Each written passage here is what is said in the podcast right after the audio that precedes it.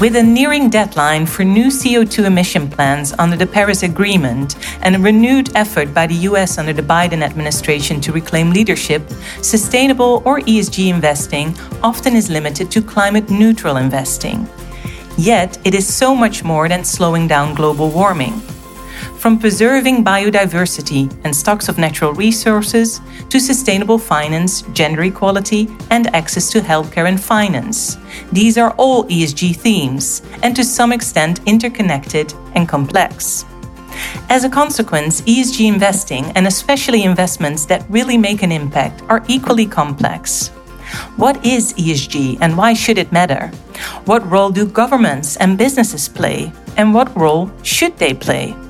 How can finance, and more specifically asset managers, stimulate sustainable developments without sacrificing returns? Those are the type of questions that I will discuss with today's guest, Suzanne Senellart. Suzanne is head of environmental strategies at Mirova, an affiliate of Natixis Investment Management, and 100% dedicated to sustainability through a conviction driven approach. All strategies at Mirova aim to combine financial returns with environmental and social impact. Suzanne manages the Mirova Europe Environmental Equity Strategy. This European equity strategy invests in companies providing solutions to foster the environmental transition, driving the world towards net zero emissions by 2050. That was a mouthful. Welcome, Suzanne. Hello. Hello, it's, it's great to have you. Suzanne, before we start uh, diving into the topic of today, would you mind briefly introducing yourself to our listeners? Yes, with pleasure. So, I am um, the founding PM of the environmental strategy at Mirova since 2007. And previously, I was uh, in charge of European defensive stock and especially utilities. And at this time, the environmental challenges with regard to the CO2 emission had little place in the corporate strategies. So that's why I decided to launch an environmental strategy in January 2007, totally dedicated to the companies able to integrate environmental issue in their long-term vision. So yet, January 27 was early days in the space of ESG approach. And I may say that the environmental awareness was very low and green technology were really emerging and heavily subsidized. Over the last 14 years, we have seen major transformation. And uh, from my experience, the most fantastic evolution was the speed of the transition. And now we are gaining momentum and strong acceleration in the environmental transition from 2020 and onwards. Wow, so a lot has changed in all those years. So, as we mentioned in the introduction, uh, ESG is so much more than the effort to limit global warming. Why is a focus on only climate not enough? Yes, it's not enough because it's only focusing on certain dimension of ESG. The environmental, social, and governance related criteria, of course, include environmental challenges such as global warming, but also we need social and government, governance related challenges in order to contribute to the transition towards a better and greener planet as a whole. One has to see the ESG big picture. Okay, looking at the bigger picture. Um, the US recently re entered the Paris Agreement and therefore have set an ambition target of net zero policy by 2050. Where does Europe stand in all this? So, Europe is already a leader in climate policy as it has the most advanced, long lasting green regulation and significant head start in terms of decarbonization. And um, let's not forget the Green Deal, which also set out to achieve carbon neutrality for the, for the EU by 2050. It's a big ambition, of course. So, in a nutshell, Europe hasn't waited for the US to re enter the global race to the net zero economy to act.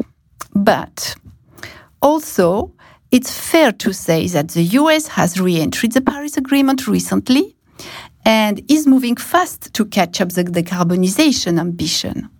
So Joe Biden has made the fight against global warming one of his main concerns.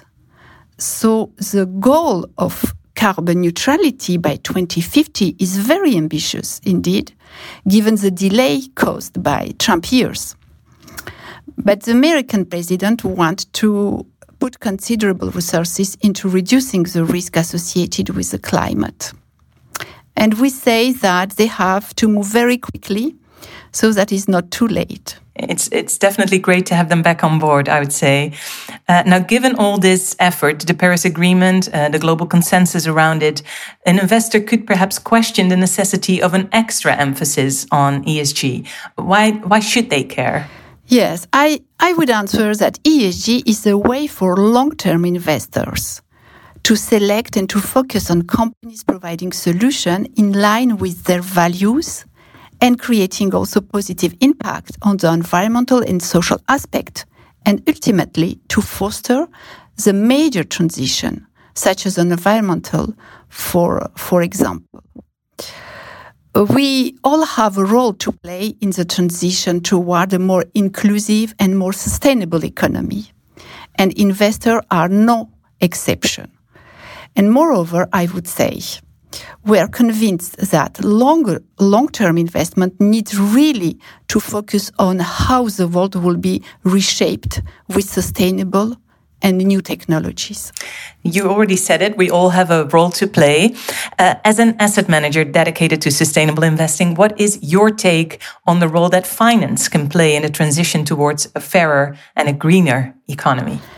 So, in this space, um, as a Mirova, as a mission-led and B Corp certified company, we think that finance is a key tool for steering the economy towards models which on the one hand preserve and restore ec- ecosystem and the climate, and on the other hand support social inclusion, health and well-being. And in that vein, we take an innovative approach to to our means of action, investment, research, shareholder engagement, and influencing the financial community. All of our investment solutions have a double objective to combine the search of financial performance with environmental and social impact. And help me understand, Suzanne, how you then measure ESG impact. Yes, that is not an easy thing to do. But we assess to what extent a company contributes to achieving the sustainable development goal, as we believe they will transform the economy. We also measure our investment carbon impact. All our strategies think, uh, seek to be aligned with 2 degree maximum global warming scenario. And we also have developed other indicators such as gender equality or job creation to measure all this impact. So at Mirova, the search for impact is um, at the core of our mission. And we are not only acting ourselves, but seeking to enable others to act. So help me, uh, Suzanne, what do you invest in and then how do you do that? What's the process? So we are investing uh, mainly uh, in European equity. So uh, the investment, our investment universe uh, of the fund is really a reflection of companies that are innovating in the space of what we call uh, eco activity. In this space, we are considering the major environmental themes such as sustainable resource and land management, low carbon energies, clean transportation, uh, green buildings, and industrial eco activity. So lots of uh, innovative and sustainable teams. But also, we could uh, uh we could summarize as um, all this uh, technology just with uh, green technology. All this is green. All this technology are green. So the starting point is innovation, uh, whether in product or services, in the area of preservation of biodiversity and resource scarcity, for example.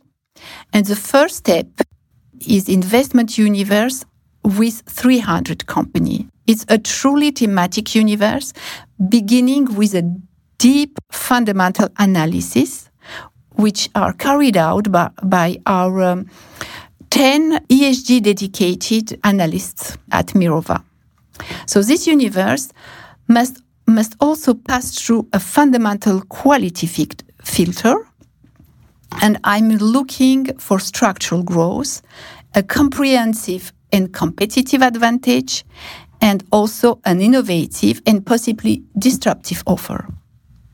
So only uh, the process is is going to reduce then to filter down and to build a, a very concentrated portfolio with 50 to 60 ideas. And we invest only uh, in high quality stocks, company, and we have where we have a high degree of confidence in the management team and in the technologies.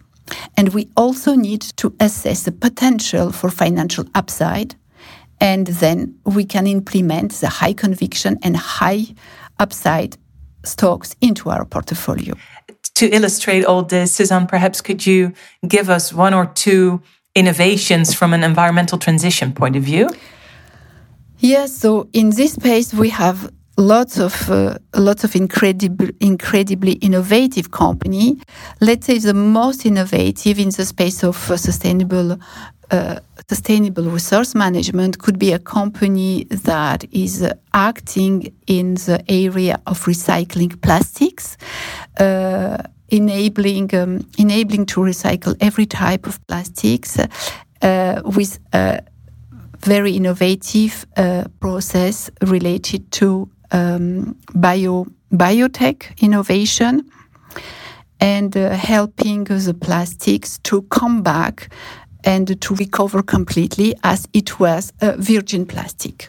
So that enables the company to, to provide very extensive uh, solution and to recycle and to, to, to move into a, into a totally uh, circular economy. That is one example. And another company, it will be a Dutch company.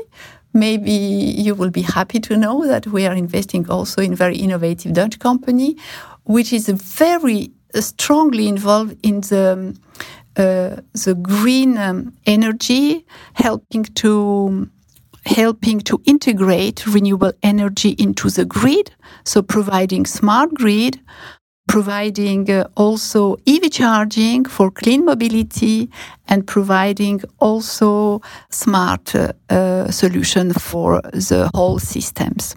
So that is very innovative and fully dedicated to the transition. Wonderful. And, and good to hear that there's a Dutch company in your portfolio as well. Um, now, your strategy's performance is excellent. Over a five year period, you've outperformed your benchmark by 30%. And especially in 2019 and 2020, the fund outperformed. So tell us, Suzanne, what, what's your secret? So I would say there are no secrets. Lots of hard working. And also, it's all in our investment process. That's it. yeah, that's it. that's it. That that is the secret. Hard work. Uh, a final question, Suzanne. Uh, we're at the end of the interview. I'm, I'm curious. Um, uh, do you believe that electric cars do they have the future, or do you think this is just a step in the right direction? Yes, it's definitely a step in the right direction. And we have seen already a tremendous growth uh, within the sector over the last 12 months with a combined share of electrification for the top five European market going from 5 to 12%. So it's already a very good start. But I will say that in the future, clean mobility will not stop only uh, with electric vehicles.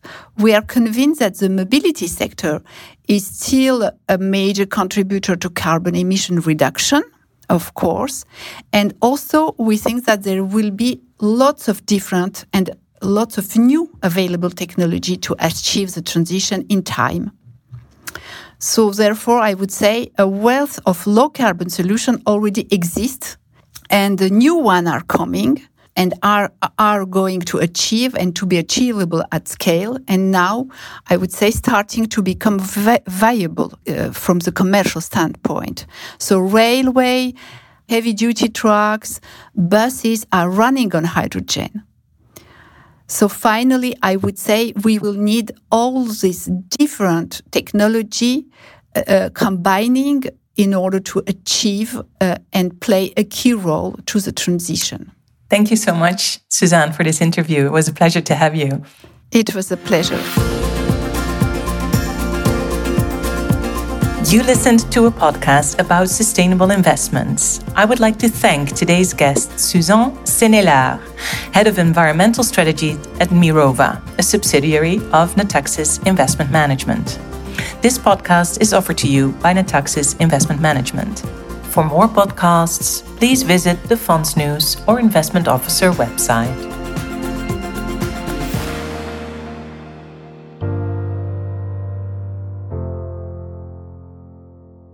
This material has been provided for information purposes only to investment service providers or other professional clients or qualified investors, and, when required by local regulation, only at their written request. This material must not be used with retail investors. It is the responsibility of each investment service provider to ensure that the offering or sale of fund shares or third-party investment services to its clients complies with the relevant national law. In the Netherlands, this material is provided by Natixis Investment Managers SA or its branch office, Natixis Investment Managers Netherlands. Natixis Investment Managers SA is a Luxembourg management company that is authorized by the Commission de Surveillance du Secteur Financier and is incorporated under Luxembourg laws and registered under NB 115843. Registered office of Natixis Investment Managers SA is 2 Rue Jean Monnet, L. 2180 Luxembourg, Grand Duchy of Luxembourg. Netherlands, Natixis Investment Managers Netherlands. Registration number 507746770.